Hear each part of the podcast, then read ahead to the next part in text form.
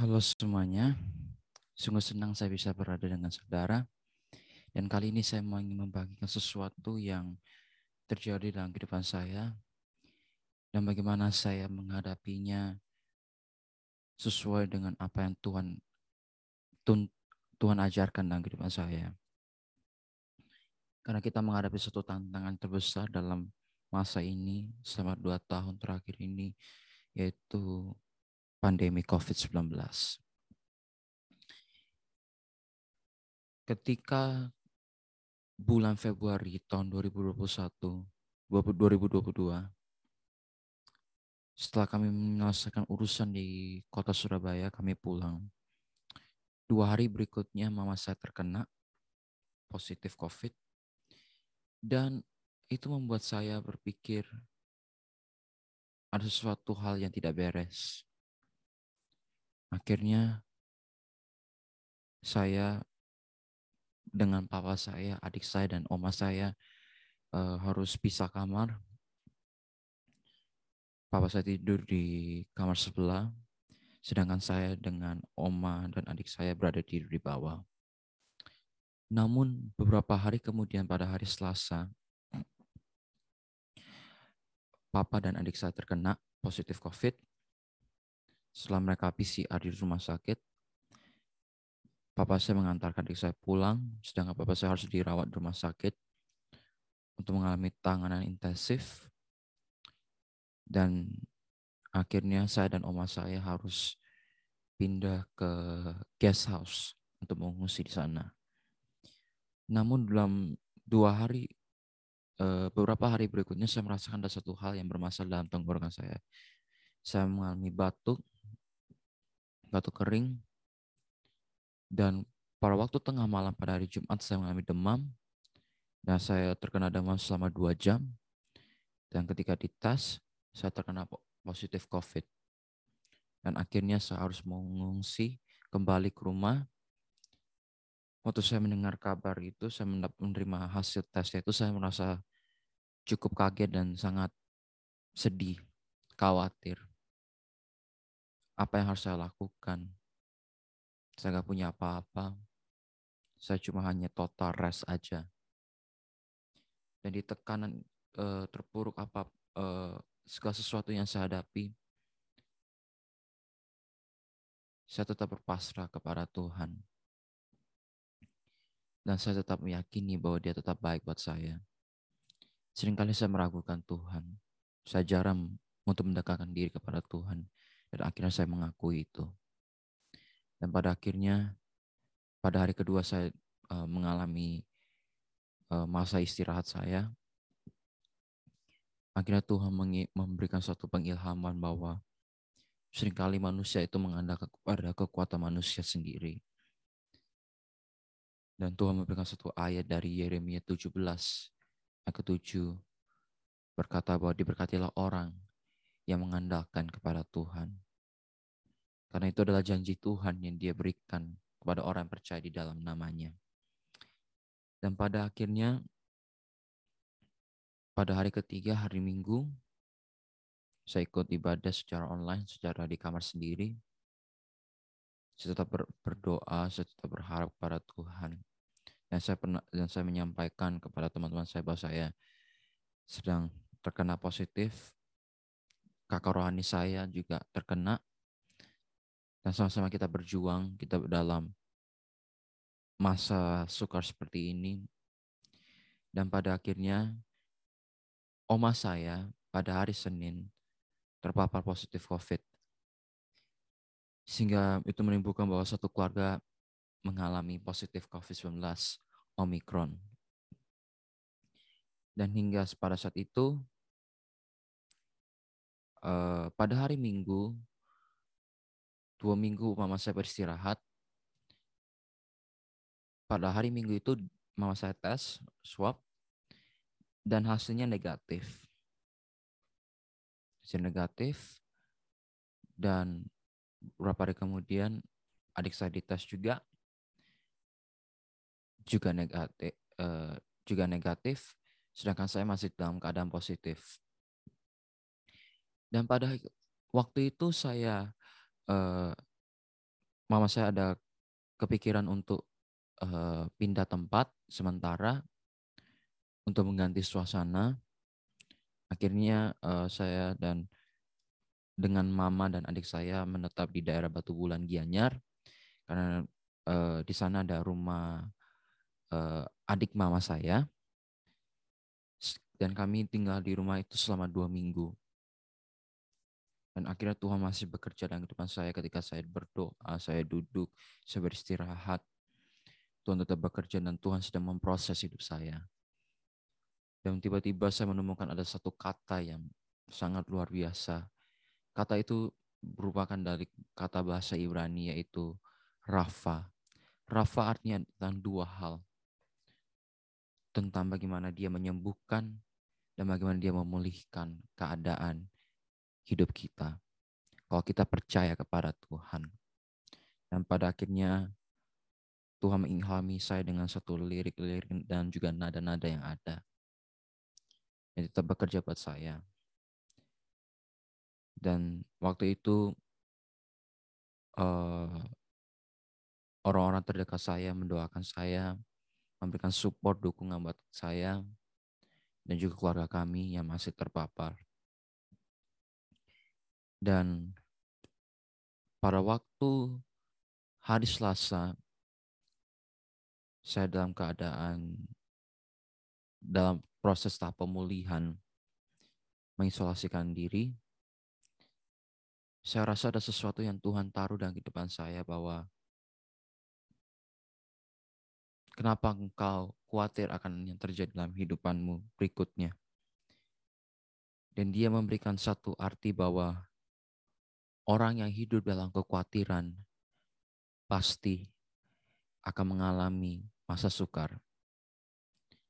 Dan akhirnya saya temukan bahwa kalau kita menemukan Tuhan dan kita mengutamakan Tuhan dalam kehidupan kita, maka dia akan tetap bekerja dalam kehidupan kita. Singkat cerita, pada hari Kamis, segala puji bagi Tuhan, hasilnya negatif. Saya sembuh dan dalam beberapa minggu saya dalam proses tahap pemulihan dan saya bagikan kepada orang-orang yang terdekat dengan saya dan mereka sangat berbahagia dan mereka bersyukur kepada Tuhan atas pekerjaannya yang dia lakukan dalam kehidupan saya. Namun tidak lepas dari itu semua dukungan dan doa dari sahabat-sahabat saya dan juga keluarga-keluarga terdekat. Saya didoakan oleh tante saya dan juga sahabat saya yaitu Jessica yang ada di Surabaya yang mengingatkan bahwa jangan mengandalkan kekuatan manusia sendiri, tetapi tetap mengandalkan Tuhan. Dan Waktu itu saya didoakan pada saat hari Valentine.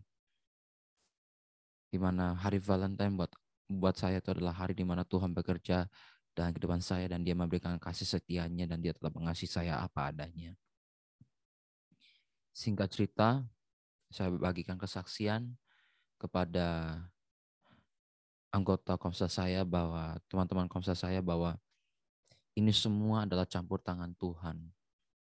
Dan saya tidak pernah ragu akan apa pun. Seringkali itu ada masa-masa saya mengalami kebimbangan, namun dalam proses itu saya menemukan bahwa Tuhan itu tidak pernah meninggalkan saya. Saya melihat bahwa rancangan Tuhan itu selalu mendatangkan kebaikan bagi orang yang mengasihi Dia. Seringkali kita berharap bahwa apa pun yang saya lakukan ini pasti akan terjadi kita perlu ketahui bahwa apa yang kita ekspektasikan belum tentu itu menjadi realita. Yang harus kita ketahui bahwa segala sesuatu itu adalah kehendak Tuhan. Dan bagaimana kita meresponinya dalam kehidupan kita. Pasti kita akan mengalami tantangan. Namun justru itu adalah kesempatan kita untuk dapat berubah menjadi orang yang lebih baik lagi. Ketika saya alami seperti itu, saya sadar bahwa itu merupakan tanda bahwa Tuhan tetap mengasihi saya sampai pada hari ini. Dan saya mau mengingatkan kepada saudara bahwa jangan pernah meragukan kekuasaan kekuasaan Tuhan. Karena Tuhan tetap hadir di mana pun kita berada. Asal kita mau ingin menerimanya, membuka hati kita, izinkan roh kudus tinggal dalam kehidupan kita. Dan saya bersyukur Tuhan masih menetapkan hal-hal yang terbaik dalam kehidupan saya. Sehingga saya berdiri sampai hari ini, itu semua karena kasih karunia Tuhan. Saya sadar sepenuhnya bahwa dia telah menunjukkan kasih setianya bagi hidup saya. Dan saya temukan selama saya menjalani proses uh, isolasi, Tuhan memberikan satu tuntunan firman Tuhan yang membuat saya mengerti bahwa saya memerlukan Tuhan, membutuhkan Tuhan, dan mengutamakan hidup bergantung sepenuhnya kepada Tuhan. Sebab banyak orang yang percaya kepada Tuhan, namun beberapa orang mempercayakan hidupnya kepada Tuhan. Bagaimana dengan kita? Kita akan pasti akan mengalami satu hal yang ter, yang menjadi yang mengguncangkan iman kita, mengguncangkan pendirian kita. Namun kita harus tahu bahwa jawaban yang kita dapatkan bukan dari dunia ini, namun jawaban itu kita dapatkan hanya dari Tuhan sendiri. Yang menjadi sumber dari segala sesuatu. Kita tidak perlu khawatir apa yang akan terjadi pada hari ke depan. Sebab dia akan selalu menyertai kita. Jika Tuhan menjaga dan memperhatikan burung gereja, burung pipit di udara, apalagi Bapak di surga, dia selalu menjaga kita di mana pun kita berada setiap hari pada saat kita bangun sampai kita tertidur lelap. Dan uh, saya mau ingin membagikan sesuatu bahwa pada saat saya mengalami masa seperti itu, Tuhan memberikan satu hal yang membuat saya menjadi terpesona dan saya sangat takjub akan hal itu bahwa Tuhan itu mengendaki supaya saya bisa menjadi berkat bagi orang lain. Meskipun dalam keadaan seperti ini. Dalam beberapa bulan ke depan, Emerging Worship akan mengadakan satu penggalangan dana atau donasi, yaitu The Rafa Project.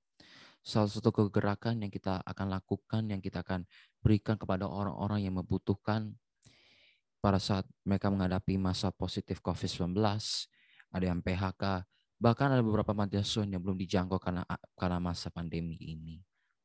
Saya temukan ada beberapa anak-anak di beberapa uh, panti asuhan itu membutuhkan barang-barang subsidi yang layak dipakai, alat-alat perangkat, uh, alat-alat perangkat yang untuk mereka gunakan untuk belajar karena mereka setiap um, kali mereka belajar mereka selalu meminjamkan kepada orang yang punya panti asu, uh, yang punya panti asuhan, handphone dari orang yang punya panti asuhan.